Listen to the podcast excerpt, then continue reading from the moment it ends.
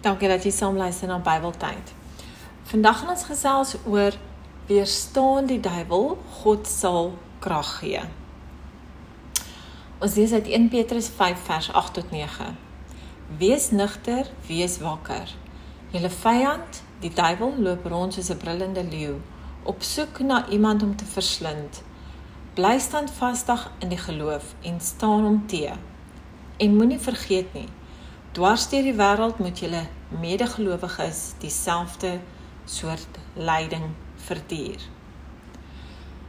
Die duiwel is oral en hy wil hê daar moet geweld, haat, moord en ander lelike dinge in die wêreld gebeur. Veral nou in Suid-Afrika. Ons kan hom weerstaan in die naam van Jesus. Hy sal ons nie kan raak as ons Jesus aan ons kant het nie as ons nie die Here aan ons kant het nie, kan hy ons gedagtes, emosies oorneem en ook jou en my liggaam laat swak voel. Om oor die Bybel te gesels met ander of om met God te praat deur jou dag en sy hulp altyd deur te verwag, sal jou geloof versterk in hom.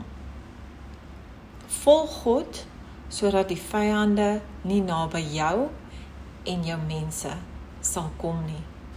Weerstaan die duiwel. God sal jou krag gee. Dankie dat jy saam geluister het. Totsiens.